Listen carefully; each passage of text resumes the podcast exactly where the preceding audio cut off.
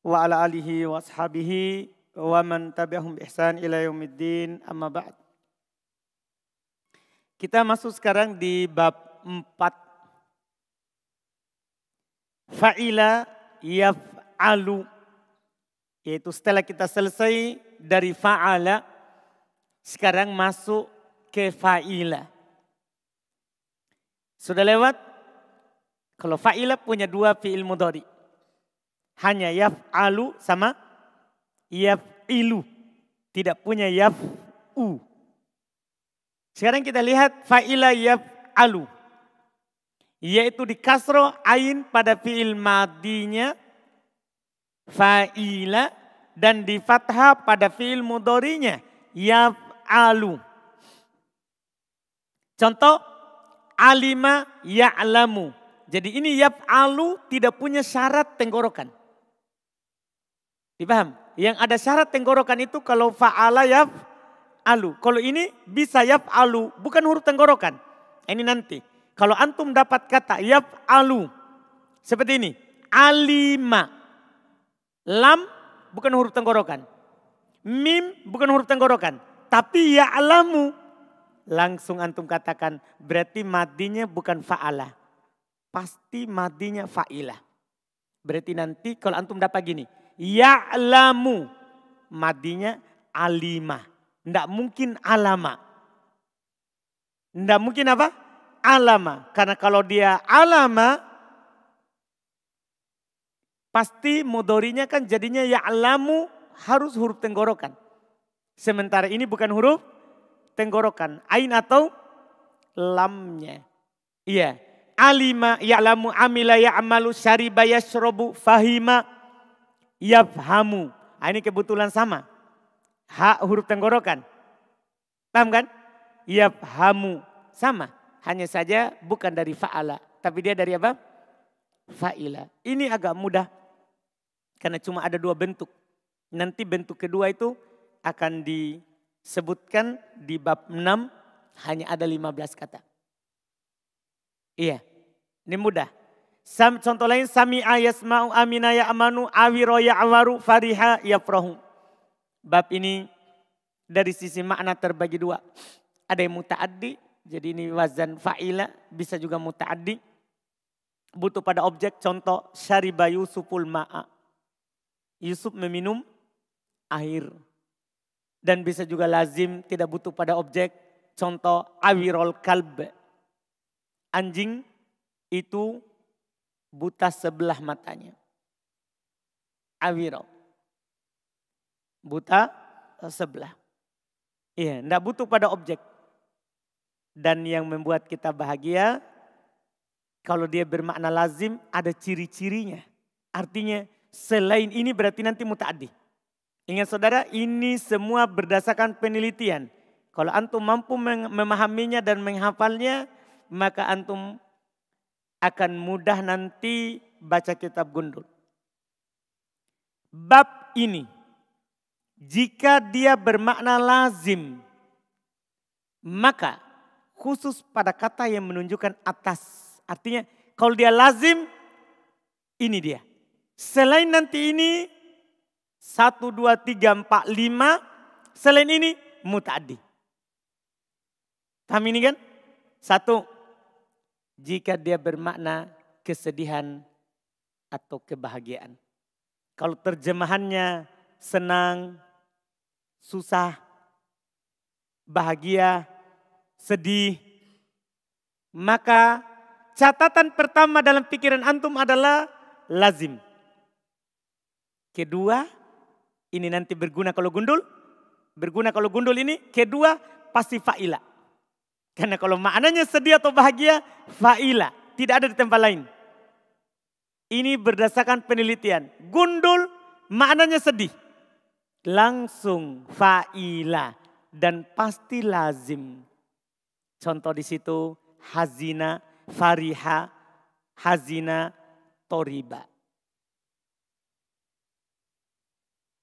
Hazina, fariha. Fariha bahagia, gembira hazina, sedih. Pertama nanti, oh maknanya bahagia sedih. Lazim.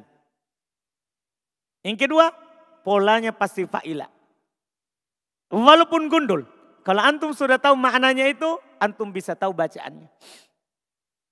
Itu yang pertama. Yang kedua, kalau dia bermakna keridoan, dia ridho, suka, senang, dia terima.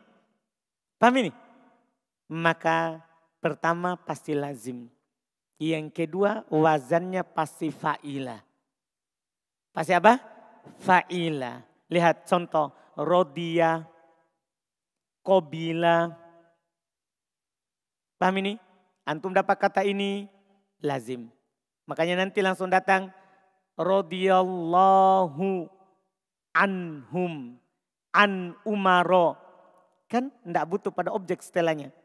Itu huruf jer setelahnya itu. Huruf jer setelahnya. Kobila Zaidun. Kobila Bakrun. Kobila Anasun. Itu lazim. Yang ketiga, jika bermakna penuh atau kosong. Kalau ada kata yang bermakna sesuatu yang sudah penuh atau sesuatu yang sudah kosong, maka pasti lazim. Itu bentuk pertama, itu pernyataan pertama. Pernyataan kedua pasti fa'ila. Seperti di situ farigo kosong, syabi'a kenyang kan penuh. Orang dikatakan sudah kenyang kalau sudah apa? Penuh. Iya, terisi. Atisha haus kosong. Iya, kosong. Dipahami ini? Ini wazannya fa'ila. Dan pasti apa? Lazim. Maka cukup dikatakan Atisha bakrun. Bakr haus. Tidak butuh lagi sesuatu. Iya. Syabi'a anasun. Anas kenyang. Butuh maf'ul? Butuh sesuatu lagi setelahnya? Tidak. Karena dia apa? Lazim. Yang keempat, cacat.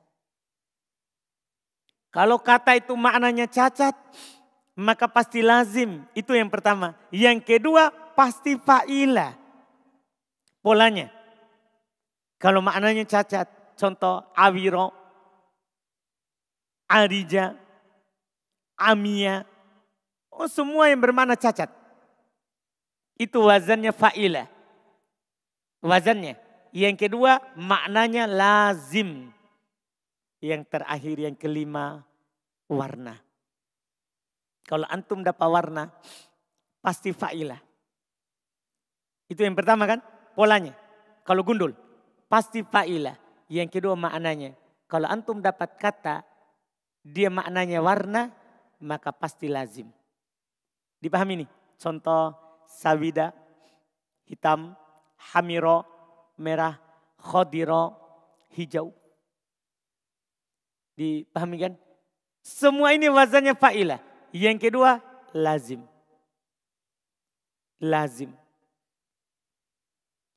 Selain lima ini, mutadi. Misalnya, antum dapat kata syariba. Syariba, di samping kemarin ya yang sebelumnya, ciri-ciri lazim dan mutaaddi. Tapi sekarang misalnya antum dapat syariba, lazim atau mutaaddi? Tinggal antum pikirkan, Apakah dia bermakna kesedihan atau kebahagiaan? Paham ini? Bukan. Apakah bermakna keridoan?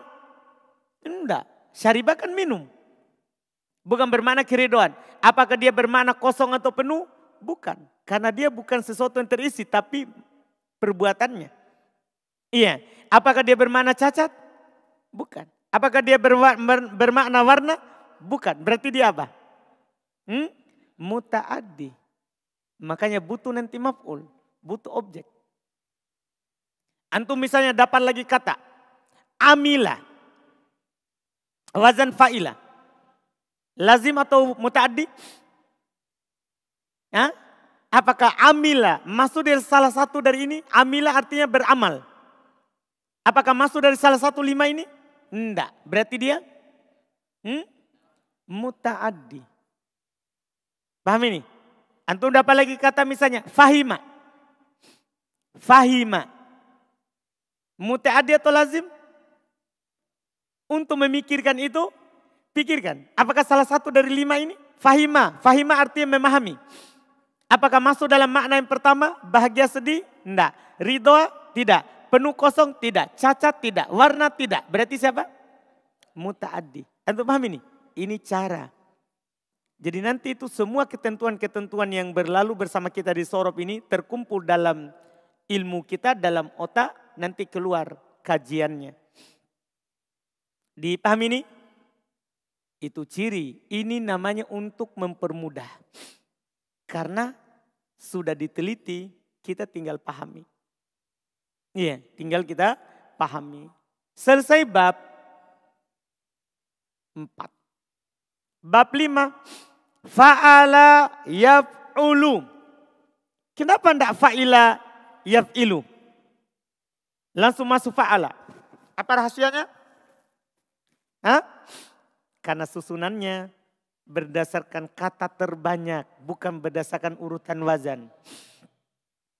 Kan kalau urutan wazan berarti kan fa'ila yaf'ilu. Setelah fa'ila yaf, hmm? alu.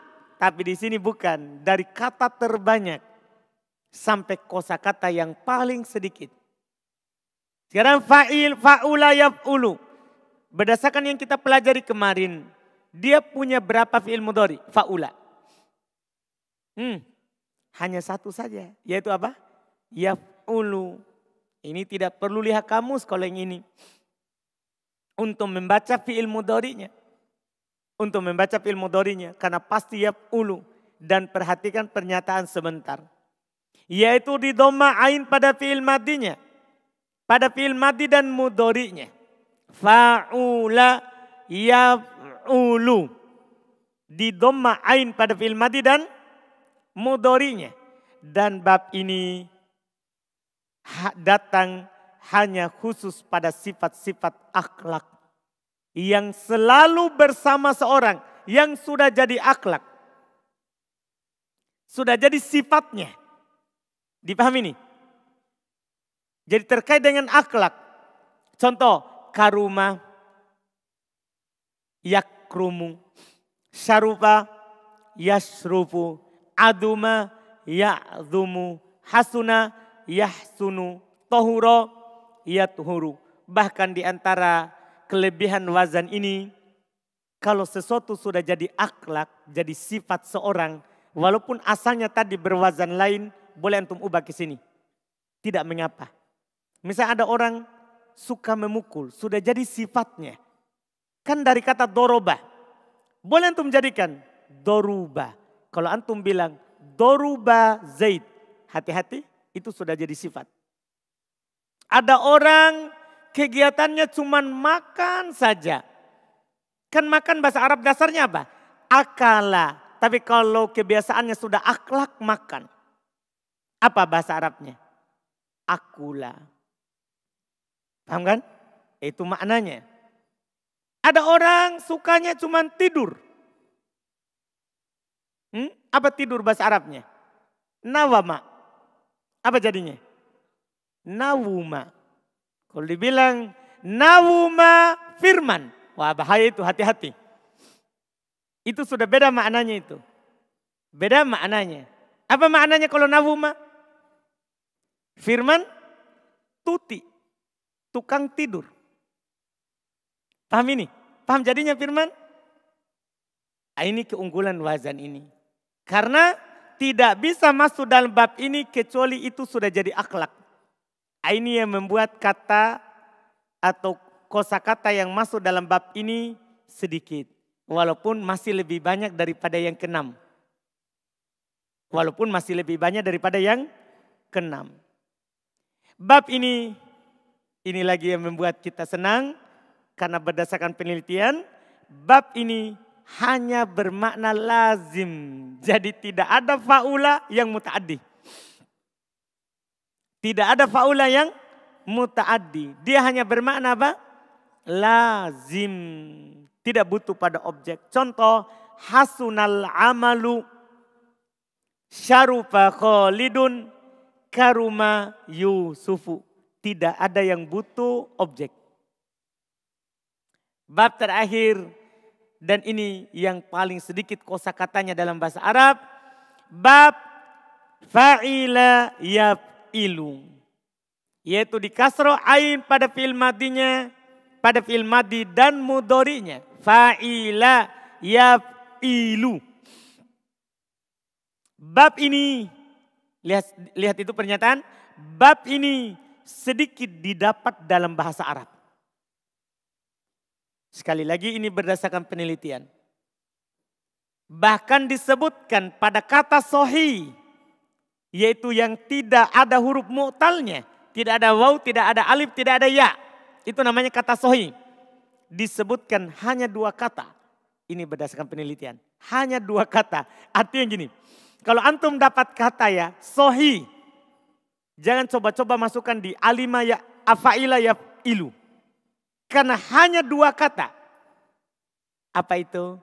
Yaitu naima yan imu hasiba yahsibu. Selain dua kata ini, hurufnya tidak ada yang mu'tal, yaf'alu. Biar tutup mata. Antum dapat kata fahima, yafhamu.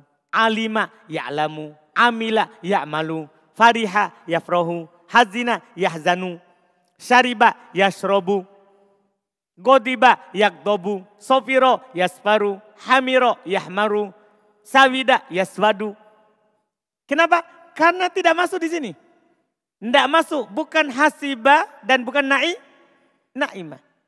Itu pun telah dikatakan bahwa yang benarnya dua kata di atas masuk dalam bab yang keempat tercoret.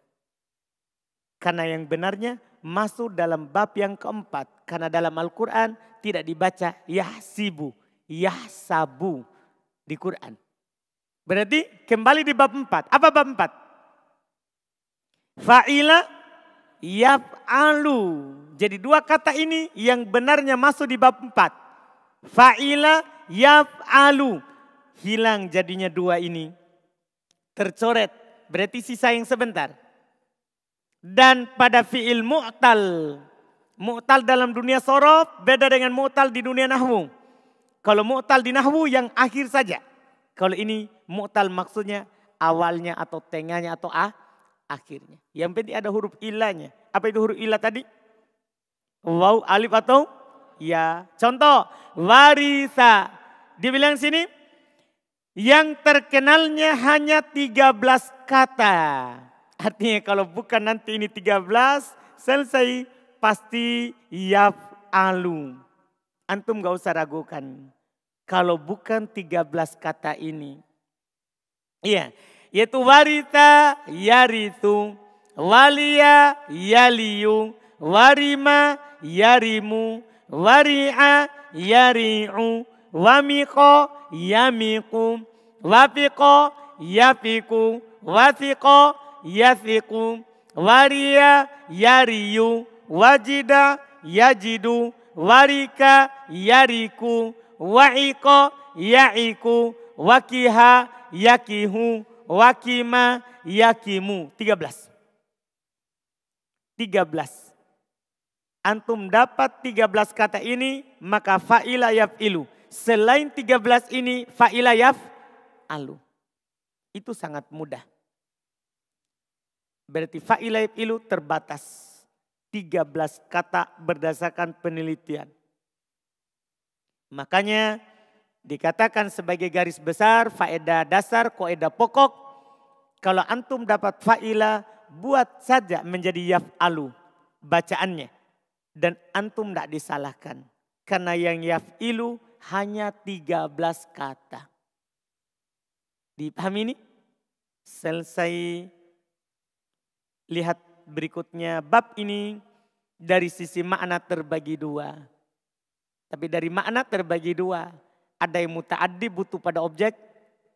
Contoh hasiba, Yusufu, Kholidan, Fakiron. Ini di atas pendapat yang masukkan tadi. Di atas pendapat yang memasukkan apa? Hasi, hasiba. Dan bisa lazim tidak butuh pada objek. Contoh wasiko Yusufu bi Kholidin. Kholidin bukan objeknya itu kemasukan huruf jer. Itu kemasukan huruf jer. Ini bentuk contoh. Dan dengan ini kita sudah selesai dari tiga asli. Itulah pola-pola kata yang huruf aslinya tiga. Dan tidak ada bentuk ketujuh. Karena ini berdasarkan penelitian. Hanya ada enam bentuk. Kalau antum bisa pahami enam bentuk itu dengan ciri-cirinya, maka alhamdulillah untuk kata tiga huruf aman. Sekarang kita masuk di berikutnya. Iya. Fi'il mujarot rubai. Fi'il mujarot rubai. Apa itu fi'il mujarot rubai? Fi'il mujarot rubai adalah apa yang fi'il madinya adalah empat huruf asli. Kan kalau mujarot sulasi yang tiga huruf as, asli. Kalau ini empat huruf asli. Iya. Fi'il mujarot rubai hanya memiliki satu bab. Masya Allah. Selesai masalah. Tidak ada duanya. Hanya satu saja. Kalau tiga, enam. Kalau ini hanya satu. Hanya satu. Yaitu bab fa'lala. Kalau antum dapat kata polanya fa'lala. Itu empat asli. Itu empat asli. Contoh, darbako. Apakah fa'lala? Coba bandingkan. Darbako. Fa'lala? Harokat dan sukunnya. Fa'lala? Fa'lala. Waswasa. Fa'lala? Zalzala. Fa'lala? Dahroja. Fa'lala? Antum dapat kata yang polanya fa'lala. Sudah. Empat asli. Hanya ada satu. Kalau ada empat hurufnya. Tapi bukan fa'lala bentuknya. Ketahuilah itu pasti nanti tiga tambah satu. Pasti tiga tambah satu. Ini harus fa'lala. Dipahami nih? Jelas ini? Siapa yang belum jelas? Ini sangat mudah. Bisa dikatakan ini empat huruf asli ini termudah sedunia. Karena cuma punya satu bentuk. Tidak ada duanya. Tidak ada duanya. Hanya ada bentuk fa'lala. Hanya ada bentuk fa'lala. Semua contoh yang bentuknya, wazannya, polanya, fa'alala empat asli. Tidak harus kata yang anda contohkan tadi. Di sana banyak kata lain. Banyak kata lain. Misalnya yang anda tidak contohkan. Dam, dama. Apa polanya? Hmm? Fa'lala. Antum dapat kata misalnya, dapat kata lain lagi. ya Yang tidak ada di contoh ini tidak ada di contoh yang dicontohkan tadi ya. Dar eh apa dar jal baba. Apa polanya? Jal baba. Apa? Fa'lala. Dipahami ini? Demikian pula kata-kata yang semisal dengannya. Bab ini dari sisi makna terbagi dua. Pertama mutaaddi. Butuh pada objek. Contoh daharoja Yusuful Hajaro dan bisa lazim maknanya bisa antum terjemahkan di situ ada di buku. Lazim tidak butuh pada objek. Contoh darbako Yusufu. Selesai. Yang asli. Sekarang kita masuk di jenis berikutnya. Fi'il lazim.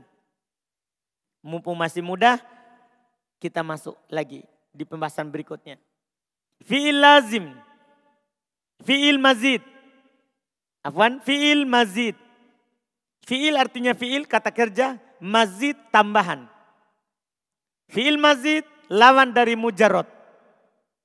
Fi'il mazid lawan dari fi'il mujarot.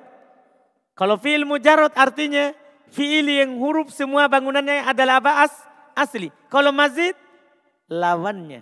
Dalam bangunannya terdapat tambah tambahan. Kita lihat. Fi'il mazid adalah kata yang pada bangunan aslinya terdapat tambahan satu huruf atau lebih. Satu huruf atau apa? Lebih. Ada catatan di bawah. Itu catatan penting juga. Catatan nomor 35. Kaedah. Bertambahnya bangunan suatu kata menunjukkan adanya tambahan makna pada kata tersebut. Jadi nanti kalau ada kata tiga ditambah satu, itu berubah maknanya. Dan maknanya ini, ini yang membuat nanti kita lama karena di sini juga Anda sampaikan. Padahal pada dasarnya makna-makna ini nanti kita bisa lihat kamus. Cuman di sini anak kasih untuk mempermudah sekali jalan saja. Sekali jalan. Lihat. Fi'il mazid terbagi dua. Pertama mazid sulasi. Mazid artinya tambahan, sulasi artinya tiga. Berarti tiga yang terdapat padanya tambah tambahan. Fi'il mazid sulasi terbagi tiga. Kalau antum bertanya, kenapa terbagi tiga? Karena bisa tambah satu, bisa tambah dua, dan bisa tambah tiga. Yang penting paling ujungnya berapa huruf? Enam. Makanya terbagi tiga. Sekarang kita ambil yang pertama. Yang pertama, satu tambahan satu huruf pada bangunan aslinya. Dan ini ada tiga bab. Ini anak sudah simpulkan di papan. Bahwa tambahan satu huruf di atas tiga itu ada berapa bab? Tiga. Ada tiga bab. Wazannya kemarin apa? Af'ala, fa'ala, dan fa'ala. Itu yang kita uraikan sekarang. Bab pertama af'ala. Kalau antum dapat kata af'ala, di mana letak tambahannya? Garis bawahi keterangannya itu di bawah. Lihat, af'ala yaitu ditambah hamzah pada awalnya. Jangan antum anggap sepele ini pernyataan. Pernyataan ditambah hamzah pada awalnya ini pernyataan yang sangat penting di dunia sorof. Kenapa? Kita mengetahui letak tambahan itu yang paling pokok dalam melihat kamus. Karena di kamus antum cari af'ala susah didapat. Karena ketika antum cari af'ala pasti antum akan cari di hamzah. Sementara bukan di situ tempatnya. Kalau antum cari kamus, hapus dulu huruf tambahannya. Baru cari di kamus. Baru tentukan di huruf apa saya cari. Misalnya, af'ala, cari di fa. Hapus hamzanya dulu, baru antum bisa dapat. Antum paham ini? Makanya keterangan ini yaitu ditambah hamzah pada awalnya penting. Bagi orang yang mau nanti melihat kamus. Dan juga yang kedua, supaya diketahui apa maknanya. Karena kalau ada tambahan hamzah, ada tambahan arti, hati-hati. Sebentar kita akan uraikan. Contoh, akroma. Kalau antum lihat di kamus akroma, lihat huruf apa? Hmm. Huruf apa? Kaf. Ahsana, lihat kamus, huruf apa? Ha. Aslama, lihat kamus, huruf apa? Sin. Anda, anda paham ini? Jelas ini? Ini cara. Karena ditambah Hamzah itu bukan asli. Di kamus bukan dilihat dari huruf asli. Bukan dilihat dari huruf tambahan, tapi as, asli. Yang penting lagi setelah itu, setelahnya, maknanya. Ini bagi orang yang bercakap, butuh ini makna-maknanya. Bagi orang yang mau terjemah kitab gundul, dia butuhkan ini makna. Atau bagi orang yang mau memahami ucapan orang Arab, butuh ini maknanya. Inilah yang membuat kita lama di bab ini. Karena kita sambil jalan. Di samping lafaz kita juga mempelajari apa? Makna. Jika sebuah kata diubah ke dalam bab ini, itu dalam bab af'alah, maka dia memiliki beberapa makna. Dan urutan maknanya ini dari yang terbanyak sampai yang paling sedikit. Nomor satu itu asal penggunaannya. Iya. Satu, mengubah fi'il lazim tidak butuh pada objek menjadi fi'il muta'addi butuh kepada objek. Paham ini? Biasanya dalam terjemahannya diawali dengan awalan me. Dipahami ini? Misalnya nanti ya, kita contohkan ya dalam kalimat Kata karuma, ini dipastikan lazim. Karena wazan apa? Wazan apa? Faula. Ini artinya mulia. Mulia. Tapi kalau antum ubah ke pola af'ala. Maka dari lazim menjadi apa? Muta? Menjadi muta addi.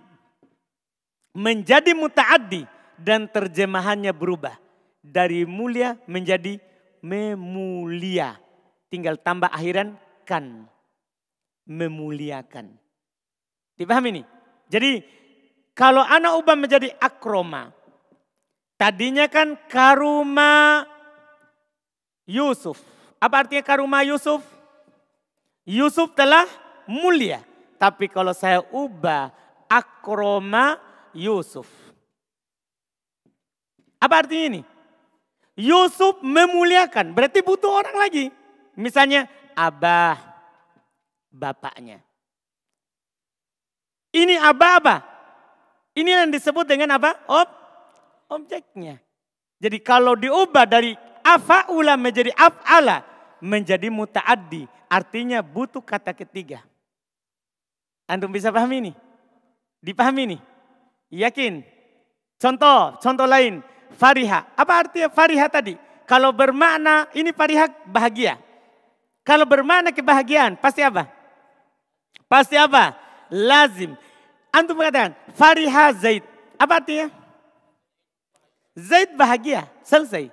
Beda kalau anak ubah menjadi afroha. Menjadi afroha. Apa artinya? Membahagiakan. Langsung terjemahannya berubah. Membahagiakan. Berarti afroha Zaid. Apa terjemahannya? Zaid membahagiakan. Butuh lagi? Butuh objek? Butuh. Di sini bisa antum katakan background Zaid membahagiakan Bakr. Paham makna yang pertama? Dan terjemahannya berubah. Perhatikan baik-baik itu fungsi. Dipahami ini? Jelas? Jadi berubah terjemahan antum. Dengan berubah wazan, berubah pemahaman antum. Jadi orang Arab kan berucap.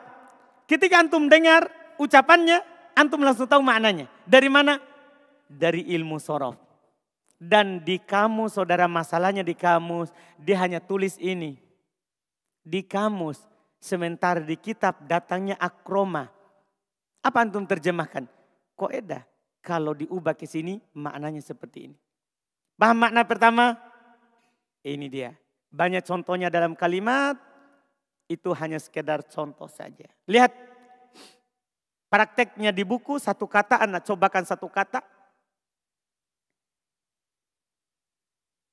Contoh, khoroja Yusufu. Terjemahannya Yusuf telah keluar. Diubah menjadi akhroja Yusufu kitaban. Lihat, Yusuf mengeluarkan buku. Demikian seterusnya. Ingat, di buku contohnya anak paling tinggi tiga. Karena kalau mau dibawakan banyak contoh di buku itu terlalu banyak, akan tebal bukunya. Di buku itu hanya teori, kan isinya buku sorop ini teori saja. Prakteknya nanti di Quran, hadith, kitab gundul, percakapan. Nanti di sanalah antum bisa bentuk percakapan. Antum mau katakan Zaid keluar, khoroja Zaid. Zaid mengeluarkan, akhroja Zaid. Zaid kembali, roja'a Zaid. Kalau Zaid mengembalikan, arja'a Zaid. Paham antum? Ini di percakapan. Iya di percakapan. Paham ya? Jelas ya? Antum misalnya dapat kata misalnya Zaid sedih. Antum katakan dalam bahasa Arab hazina Zaid. Paham gak ini? Kalau Zaid membuat sedih. Hah? Ahzana. Dipahami nih? Jelas kan? Kalau butuh pada objek berubah wazannya. Ini makna yang pertama. Dari makna ini nanti antum bisa pahami Quran. Bisa pahami hadith, bisa menerjemahkan Arab gundul dengan benar. Iya, bisa menerjemahkan Arab gundul yang benar. Kalau antum hanya nahwu, itu hanya bisa baca. Terjemahannya pasti catat, cacat. Tapi kalau sudah nahwu, kemudian, kemudian ada sorof, nanti terjemahannya tinggal dilatih untuk menyusunnya, menyambungnya. Mana yang kedua? Bermakna masuk pada suatu tempat. Tambahkan kata masuk dalam terjemahannya. Tambahkan kata masuk. Pada suatu tempat. Contoh, asbaha dari kata subuh. Masuk pada suatu waktu atau tempat. Kalau waktu antum bilang masuk waktu titik-titik. Kalau tempat masuk tempat titik-titik. Dipahami nih? Asbaha. Apa dasar katanya? Subuh. Apa artinya subuh? Subuh, terbit fajar. Kalau dibilang asbaha. Antum katakan asbaha Yusuf. Yusuf masuk pada waktu subuh. Amsa Yusuf. Yusuf masuk di waktu sore. Abaharo dari kata bahrun. Dan ini walaupun asalnya bukan fiil. Asalnya juga isim bisa antum jadikan fiil. Inilah fungsi ini wazan. Bahrun, apa artinya bahrun? Laut. Antum sekarang mau katakan, firman masuk laut. Apa bahasa Arabnya? Kalau orang percakapan akan buat panjang. Dakhola firman fil bahar. Panjang kalau orang percakapan. Tapi kalau orang tahu nah, sorof, pendek. Abharo firman. Itu sudah maknanya apa? Firman masuk laut. Apa bahasa Arabnya sungai? Nahrun. Di situ lihat. Anharo Yusuf. Apa artinya? Yusuf masuk ke sungai. Apa bahasa Arabnya rumah? Baitun. Kalau masuk rumah. Hmm? Baitun. Wazankan dengan wazan af'ala. Hah? Sekarang saya mau bilang begini. Bakar masuk rumah. Hah? Abiyata bakrun. Pasar, apa bahasa Arabnya pasar? Sukun. Sukun. Pakai kof. Sukun. Sekarang, ya. Anas masuk pasar. Hah? Aswako Anas. Jadi masuk ke pasar bahasa Arabnya aswako. Masuk ke susu. Hmm? Apa bahasa Arabnya susu? Hmm? Labanun. Siapa tahu firman mau mandi susu? Labanun. Labanun.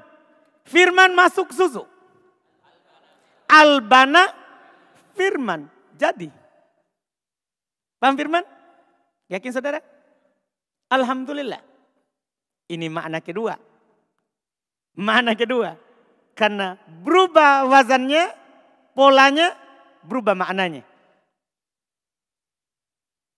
Jakarta, berapa huruf itu? Kita kan mau tiga huruf. Cari yang tiga huruf. Jakarta berapa huruf? Jakarta. Berapa? Kan kita mau tiga ditambah satu. Paham saudaraku? Hah? Buton, berapa huruf itu buton? Hmm? Tiga. Hmm. Abotona. Apa artinya? Masuk buton. Paham kan? Eh, barat. Apa bahasa Arabnya barat? Gor. Hah? Apa bahasa Arabnya barat? Gorbun. Kalau masuk ke barat, agroba, timur. Syarkun, kalau masuk ke timur, asroko. Paham ini? Dipahami ini?